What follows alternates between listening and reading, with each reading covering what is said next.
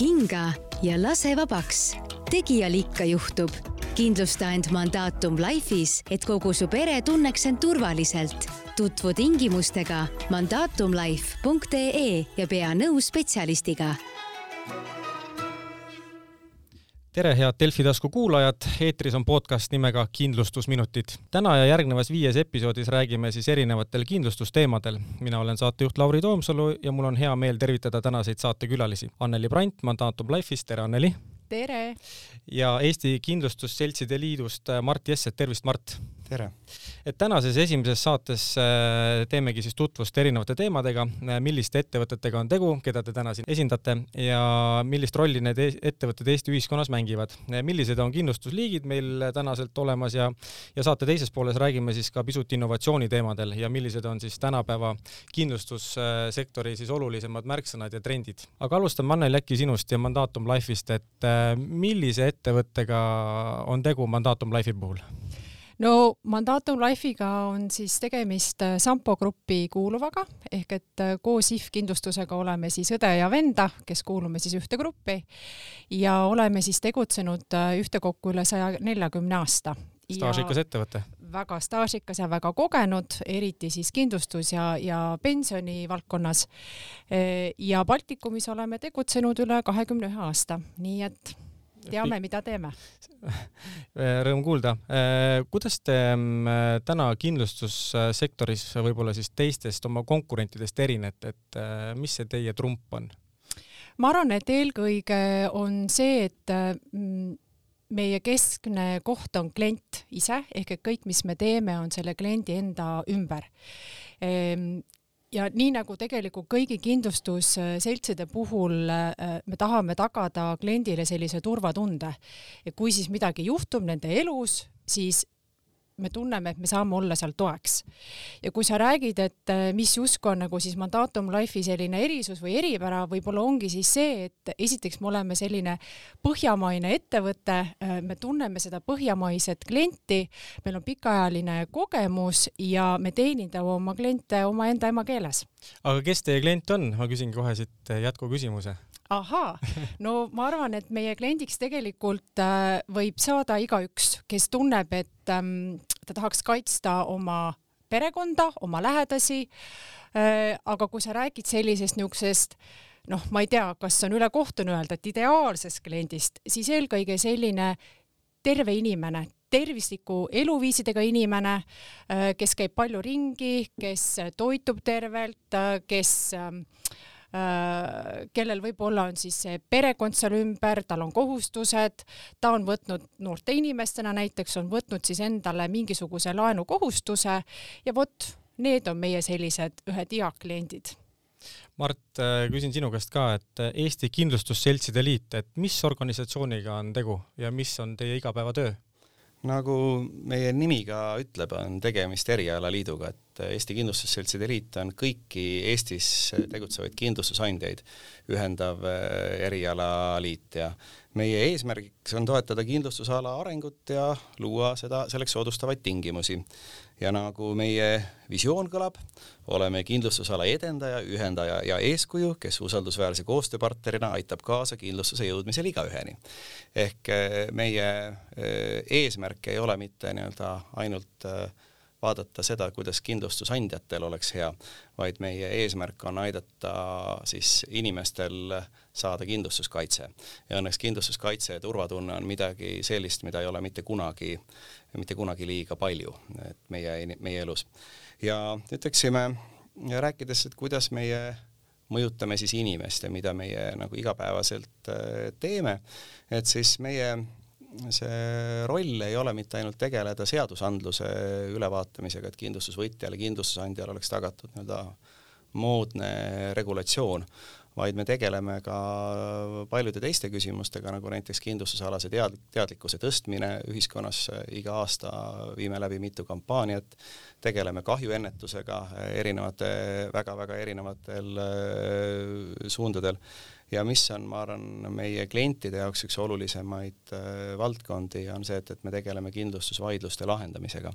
et ainukene erialaliit, äh, mis Eestis on loodud, mis tegelikult annab kõikidele kindlustuse klientidele kaitse, et kui siis ta on sõlminud lepingu ja tekib kindlustusandjaga vaidlus, mhm. võib ta tulla meie juurde ja tasuta saada siis nii-öelda abi vaidluse lahendamisel. Neid, ütleme Eestis kindlustusjuhtumeid aastas leiab aset umbes kakssada tuhat, see on väga-väga palju ja umbes kolmsada nendest päädib siis nii-öelda vaidlusega, mida kindlustusandja ja klient ei suuda omavahel lahendada. Ja siis äh, enamasti ei minda mitte kohtusse või Finantsinspektsiooni, vaid tullakse meie juurde ja enamasti see vaidlus laheneb äh, positiivselt ära. ja seda siis nii eraisiku puhul kui ka siis äh, juriidiliste isikute on, puhul, et ei ole teie puhul vahet, et esindate mõlemaid huvesid nii-öelda? mitte mingisugust vahet ei ole, oled sa eraisik või äriühing ja on oluline ka nimetada see, et, et see on kliendile tasuta Äh, ma küsiks korra mõlemi käest, et, ähm, et millised on sellised ähm, kindlustussektori üleüldised märksõnad, et äh, elame kahtlemata sellises äh, muutunud maailmas, kus Covid-19 teeb palju kurja ja nii edasi, et, et ma ei tea, Anneli, äkki alustame sinust, et kuidas sina seda mandaatumi poolelt näed, et millised sellised olulised märksõnad hetkel kindlustussektoris võiksid olla? tead sa, ma arvan, et tegelikult need sellised märksõnad on kogu aeg äh, mm, olnud, et need ei ole ka ajas muutunud.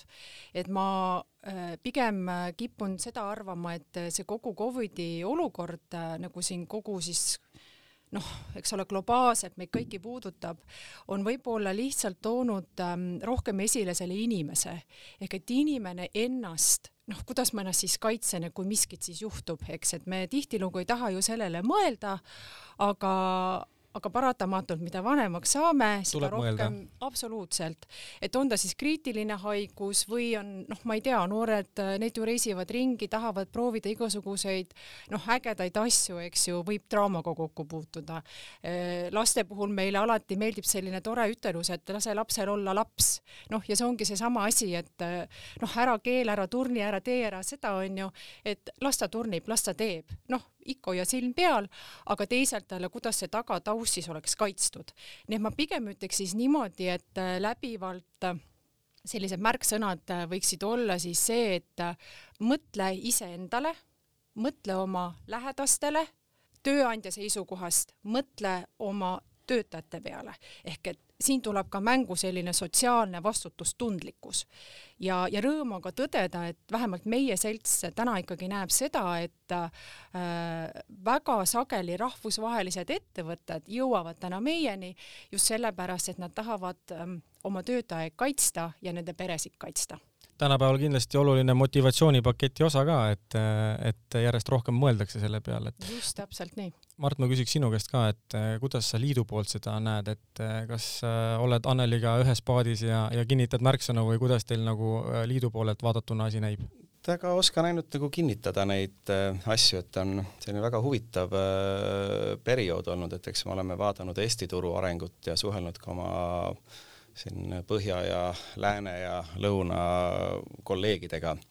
Ja siis äh, vaadanud, kuidas seal on läinud, et äh, eks see märksõna on igal pool olnud, et selline uute äh, oludega kohanemine, et kliendist ollakse võimalikult kaugel, nii-öelda kliendi suhtlus kolib internetti, aga see on üks koht küll, mille puhul ma pean ütlema, et selline vana rahvatarkus, et raske õppustel kerge lahingus on väga õige, et et kui Eestis viidi see internetiseerumine läbi juba või noh, need finantsteenused kolisid internetti juba aastaid äh, tagasi, siis äh, nii-öelda Covidi puhkedes tuli välja, et, et ei olnudki nagu midagi tegelikult katki, nii-öelda suhtlus oli suuresti e e-kanalites ja väga vähe puudutas nii-öelda nagu Eesti, Eesti äris, et ikka mitmetes Lõuna-Euroopa riikides, kus oligi harjutud nagu sularahaga kontoris käima, kukkusid ärimahud kaheksakümmend, üheksakümmend protsenti, mis on ikka är, erakordselt suur era, number. erakordselt nii-öelda suured äh,, suured numbrid, et mida nii-öelda, mida kindlasti me saame nagu öelda, on see, et, et see Covid äh, kiirendas paljusid protsesse, et sellist nagu interneti võidukäiku see kindlasti nii-öelda võimendas, paljud kontorid läksidki nüüd jäädavalt, äh, jääd-, jäädavalt äh, kinni. et ja kindlasti see Covid kiirendas ka ütleksime võib-olla sellist nagu muutumist väärtushinnangutes.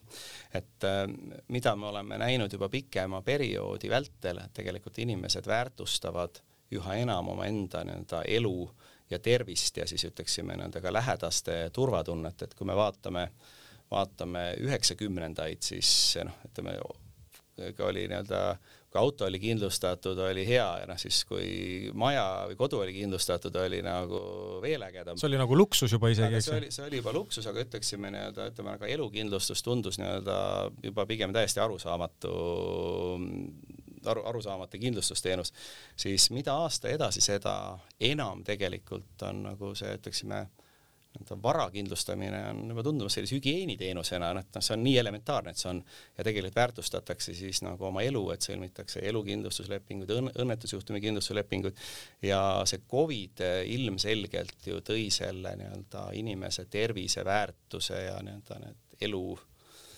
elu nagu kurvad pooled välja ja nagu veelgi enam tegelikult inim-, inimesed on nagu teadvist-, teadvustamas nagu nende kindlustusteenuste nagu olulisust. Anneli, oled sa nõus äh, Mardi öelduga? Absoluutselt, ma noogutan siin kõrval kogu aeg seda pead, et äh, meie ise näeme ka, nagu ma varasemalt ütlesin, et äh, et nii ettevõtted kui eraisikud on äh, tee rohkem meieni leidmas ja me ise püüame ju jätkata sellist teavitustööd.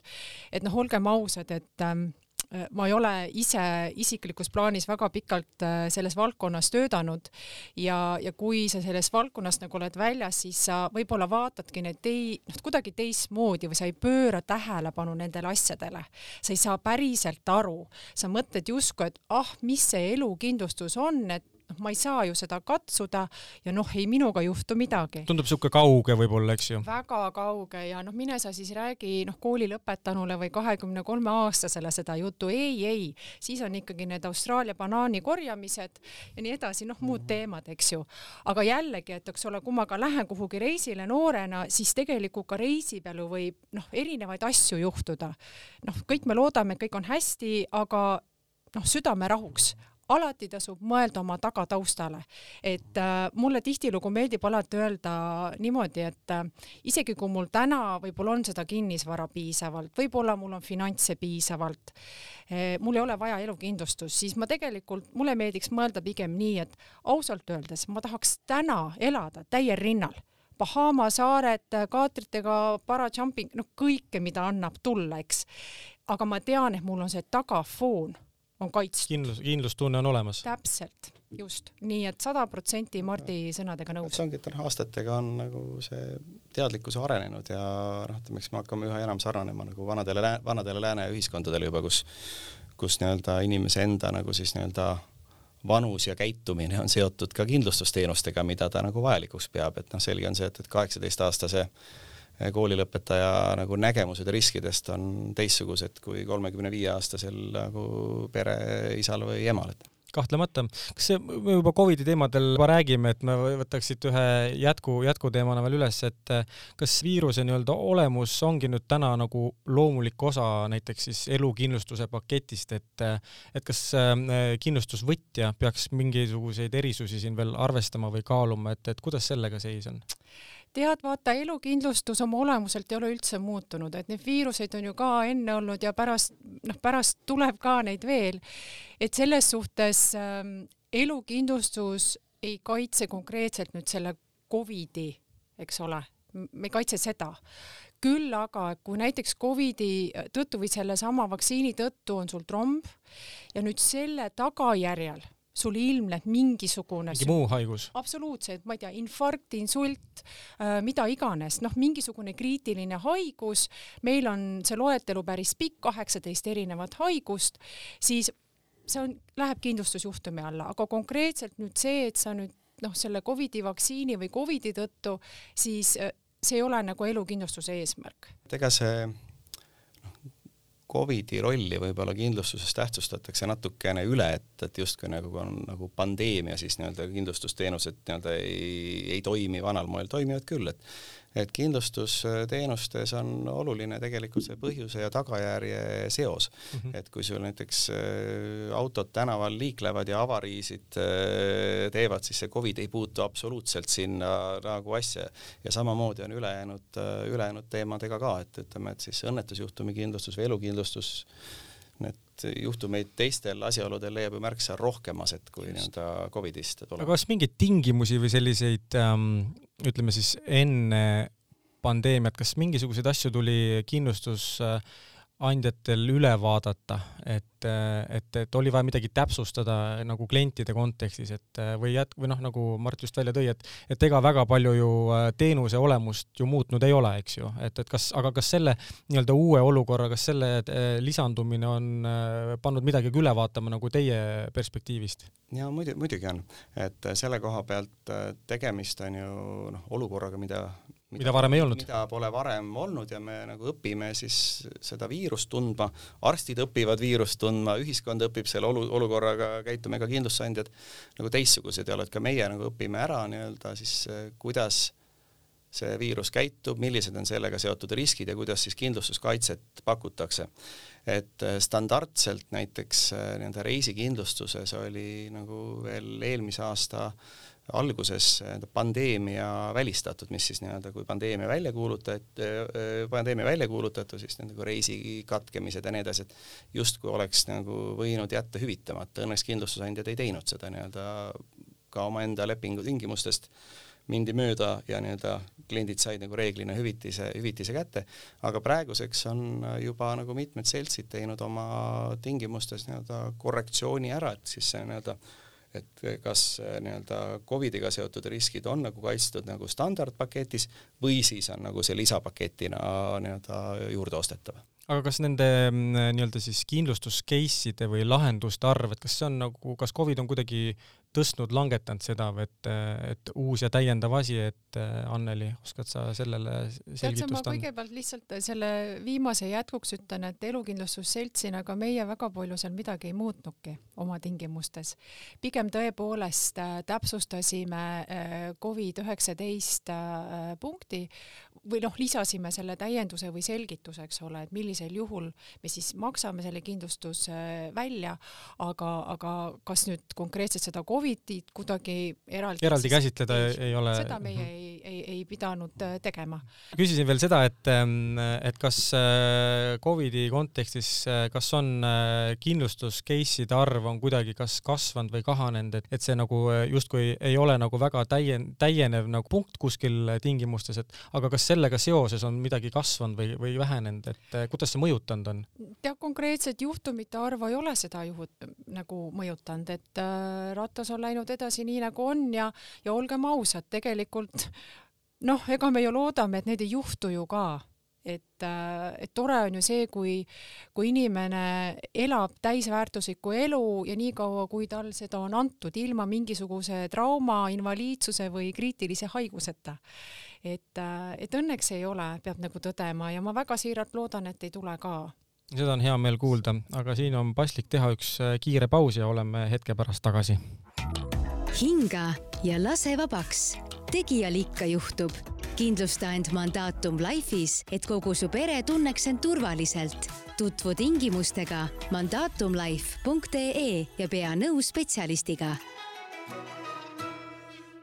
ja oleme pausilt tagasi ja jätkame erinevate segmendi teemadel, et Annel juba saate alguses mainis noori et äh, küsiks mõlemalt, aga Anneli, alustame sinust, et, ähm, et kuidas on seis seal noortesegmendis, et äh, kuidas noored täna näevad kindlustamises seda turvatunde faktorit, et äh, Mart juba ühe, ühest küljest mainis ka, et, et see kaheksateistaastane noor või kahekümneaastane noor mõtleb täna pisut teisiti kui kolmekümne viie aastane inimene, et, et kuidas seal noortega, noortega seis on? no noortega on selline seis, et me siin hiljaaegu tegime niisuguse sellise pisikese uuringu, kus tegelikult tuli väga selgelt välja, et selline kahe kahekümne viie aastane kuni kolmkümmend tõesti väga selle kindlustuse peale ei mõtle, ma räägin siis elukindlustusest. elukindlustusest just, just., oluline täpsustus siinkohal. absoluutselt ehm,. küll aga millal nad hakkavad mõtlema ehm, mitte küll võib-olla nagu teadlikult, aga hakkavad mõtlema sellel hetkel, kui nad lähevad noh, näiteks võib-olla siis kodulaenu võtma, ehk et äh, selles vanuses inimesed ju ikka tahavad oma kodu saada, aga võib-olla peret looma ja, ja vot siis võib-olla on selline esmane kokkupuude ka me ei nimeta küll siis sellel hetkel seda elukindlustuseks, aga tegemist on siis laenukindlustusega. oma olemuselt ja sisult iseenesest on nad nagu ju samad või sarnased, eks. väga sarnased, kattu, ühisosa on päris suur. absoluutselt, seal on mõningad erisused Äh, nii et äh, selline võib-olla teadlik arusaam sellest kindlustus nagu see sisulisest vajadusest. ma ütleks, et sa oled ikkagi üle kolmekümne, kolmkümmend viis, vot siis sa võib-olla hakkad nagu aduma päriselt ka, mis see sulle tähendab.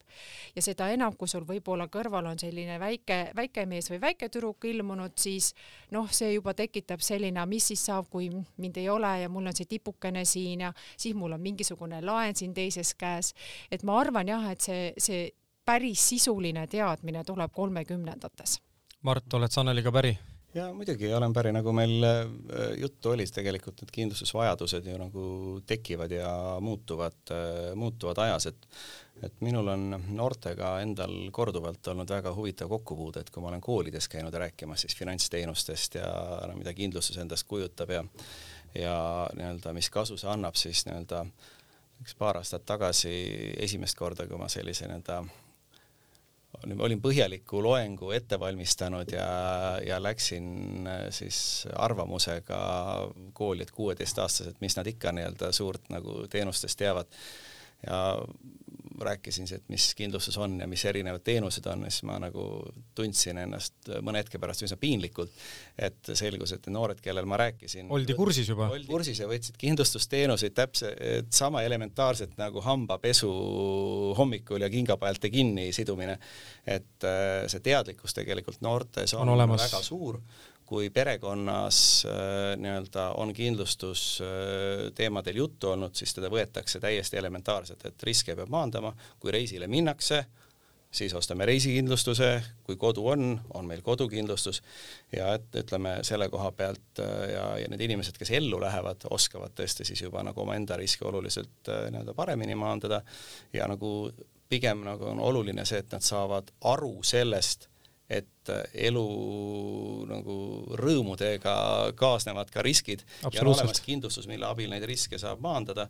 Ja nagu tõesti, et ühel hetkel siis on, et kui sul on, kui sul on juba nii-öelda kodu ja laen ja lapsed kodus, et siis sa mõtled selle peale, et nagu mis siis juhtub, kui mind võib-olla ühel päeval ei ole enam ja saad aru, et on vaja elukindlustust selleks, et nagu saaks sinu abikaasa ja lapsed toime tulla, kui tõesti see halvem lugu juhtub. jah, kindlustada nii-öelda oma lähedaste toimetulek siis äh, muutunud olukorras. aga vaataks korraks innovatsiooniteemadele ka peale, et äh, kuidas kindlustussektoris äh, nii-öelda moega kaasas käiakse, ma ei tea, võib-olla natuke äh, kentsakas väljend, aga, aga kuidas äh, innovaatiliselt lähenetakse või kuidas teil sektoris äh, seda teed käiakse, et äkki sa, Mart äh,, teed siin algust selle kommentaariga?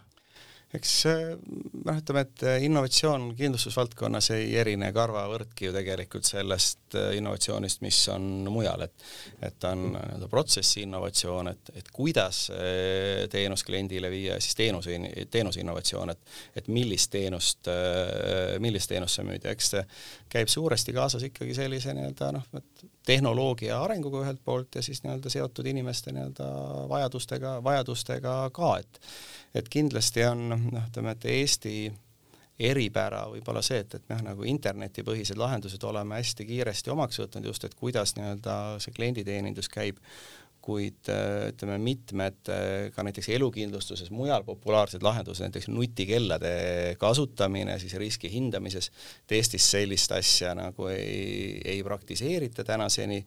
Ja noh, kas see millalgi siia tuleb, elame, elame-näeme, aga ütleme, eks kindlustussektor äh, tahes-tahtmata ta käib, noh, ütleme, eks ta on nagu ühiskonna peegel, et sellised peab teenused... liikuma paralleelselt nii-öelda kogu arenguga, eks ju. täpselt nii, nagu meil on tulnud see, ütleme, see platvormimajandus on näiteks tulnud nii-öelda, mis on kahjukindlustust öö, muutnud öö, ja ütleksime ka sinna on pidanud omad, omad teenused tulema ja noh, ütleme näiteks kindlasti see platvormimajandus, mis on kaasa toonud ju selle, et väga paljud inimesed on, kes seal töötavad, on ju sellisest riigi sotsiaalkindlustusvõrgust Äh, väljas. Ja noh, nende jaoks just ongi ilmselt väga oluline siis seesama nii-öelda näiteks õnnetusjuhtumi kindlustus, mida elukindlustusandjad paku, pakuvad, äh, vabatahtlik pensionikindlustus, kogud iseenda nii-öelda tuleviku tarbeks pensionit, eks see on, kuidas need ühiskondlikud protsessid äh, toimivad, nii tuleb peame, ka peame, peame ise nagu peab teenuseid sinna peale pakkuma. Mm.. Anneli, kuidas Mandatum Life'i poolelt innovatsiooniteemad paistavad? No tahaks ikka olla innovaatilisem, et äh, me oleme ikkagi selline tugev põhjamaine Skandinaavia ettevõte ja noh, kui sa ütled Skandinaavia ettevõte, Skandinaavia disain, noh, see on juba nagu noh, kõik saavad aru, millest sa räägid. aga mm, eh, meie enda seisukohast saame öelda seda, et me kindlasti tahame ja käime ajaga kaasas. Baltikumis on meil tugev samm edasi minna, aga me täna töötame selle nimel ja esimesed väiksed sammud võib-olla on ka näha, kasvõi seesama, et, et mitte siis äh, noh, kuskilt ise mõelda, et mis see selline umbes äh, kindlustus mulle maksta võib, aga kui sa lähed ka meie kodulehekülje peale, saad kiiresti, kergelt vaadata ja kalkuleerida, et milline see sobiv lahendus on. ja sealsamas saab kohe ka selle ära saata. kui täpne see kalkulaator, vabandust, ma segan vahele, et, et muidu läheb küsimus meelest, et Jah. kui täpne see kalkulaator on, et kas ma saan sealt teha juba oma esimese hinnangulise kalkulatsiooni ja kas see on piisav selle jaoks, et ma saaksin selle elukindlustusteemadega edasi minna? selle kalkulaatori eesmärk on see, et sa kõigepealt saad indikatiivse hinna, et, et kui sa võtad, siis sa valid seal oma vanuse, lepingu kestvus, eks ole, valid endale vastavad äh, kaitsed, saad ära määrata, kui suur see kaitse võiks olla. ja siis sa saad mingisuguse indikatiivse hinna ja kui sa oled terve inimene ehk et äh, selleks, et endale nüüd seda lepingut saada, siis tuleb äh, täita selline kerge terviseküsimustik koos nõustajaga ja kui sealt selgub, et sa oled tõesti terve, vinks-vonks, siis see hind ei muutu ka, mis sa sealt kalkulaatorist said. küll aga võib juhtuda ka see asi, et läbi selle terviseküsimustiku, mis sa sinna siis selgub midagi, mis täpselt selgub midagi, vot siis võib juhtuda nii, et see hind äh, võib äh, natukene suureneda mm. -hmm. Ja võtaks sul sellise viimase teema veel siia lõppu, et, et ka võib-olla puudutab teid mõlemaid, et mida te soovitate inimestele, kellel veel elukindlustust ei ole või kes on nii-öelda kahtleval seisukohal, et kas ja kuidas edasi sellega minna, et Anneli, sa äkki jätkad siit sama soojaga? no ikka, ikka, ma ei taha nüüd müügiinimesena siin tunduda küll, aga tõesti panen absoluutselt ükskõik, mis vanuses sa oled.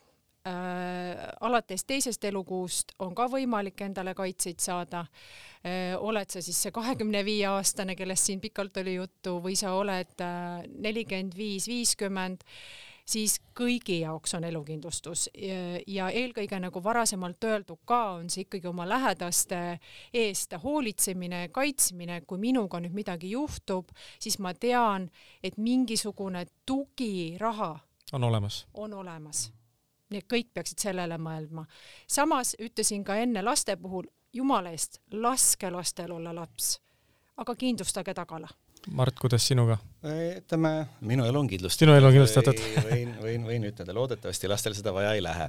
et, et aga kindlasti nagu elukindlustus nagu selline tuumikteenus on muidugi sellise kindlustuskaitse andmine lähedastele, kui, kui, kui sa peaksid nagu juhtumisi nagu siit ilmast lahkuma, kuid see ei ole muidugi nagu ainukene teema, et lisaks elukindlustusele nagu riski, riski elu, elule, nagu me nimetame, on ka seal õnnetusjuhtumi kaitse ja kriitiliste haiguste kaitse, et mis on suunatud inimese enda nii-öelda riskide suhtes, et kui sa, sa näiteks peaksid kukkuma, trauma saama või vähki haigestuma, et siis sa saad kindlustusandjalt piisava sellise nii-öelda tagala.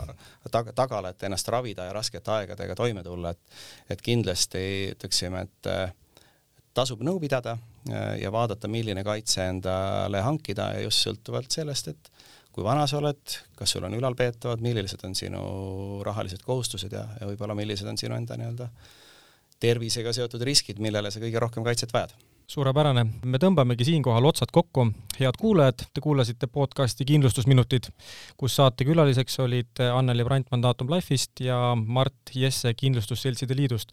suur tänu teile saatesse tulemast ja mina olen saatejuht Lauri Toomsalu ja podcasti Kindlustusminutid leiate Delfi taskukeskkonnas, Spotify'st ja Apple podcastist. otsige meid üles, hakake jälgijaks ja nii jõuavad uued osad esimestena teieni. aitäh ja kuulmiseni! hinga ja lase vabaks. tegijal ikka juhtub. kindlusta end Mandatum Life'is, et kogu su pere tunneks end turvaliselt. tutvu tingimustega mandatumlife.ee ja pea nõu spetsialistiga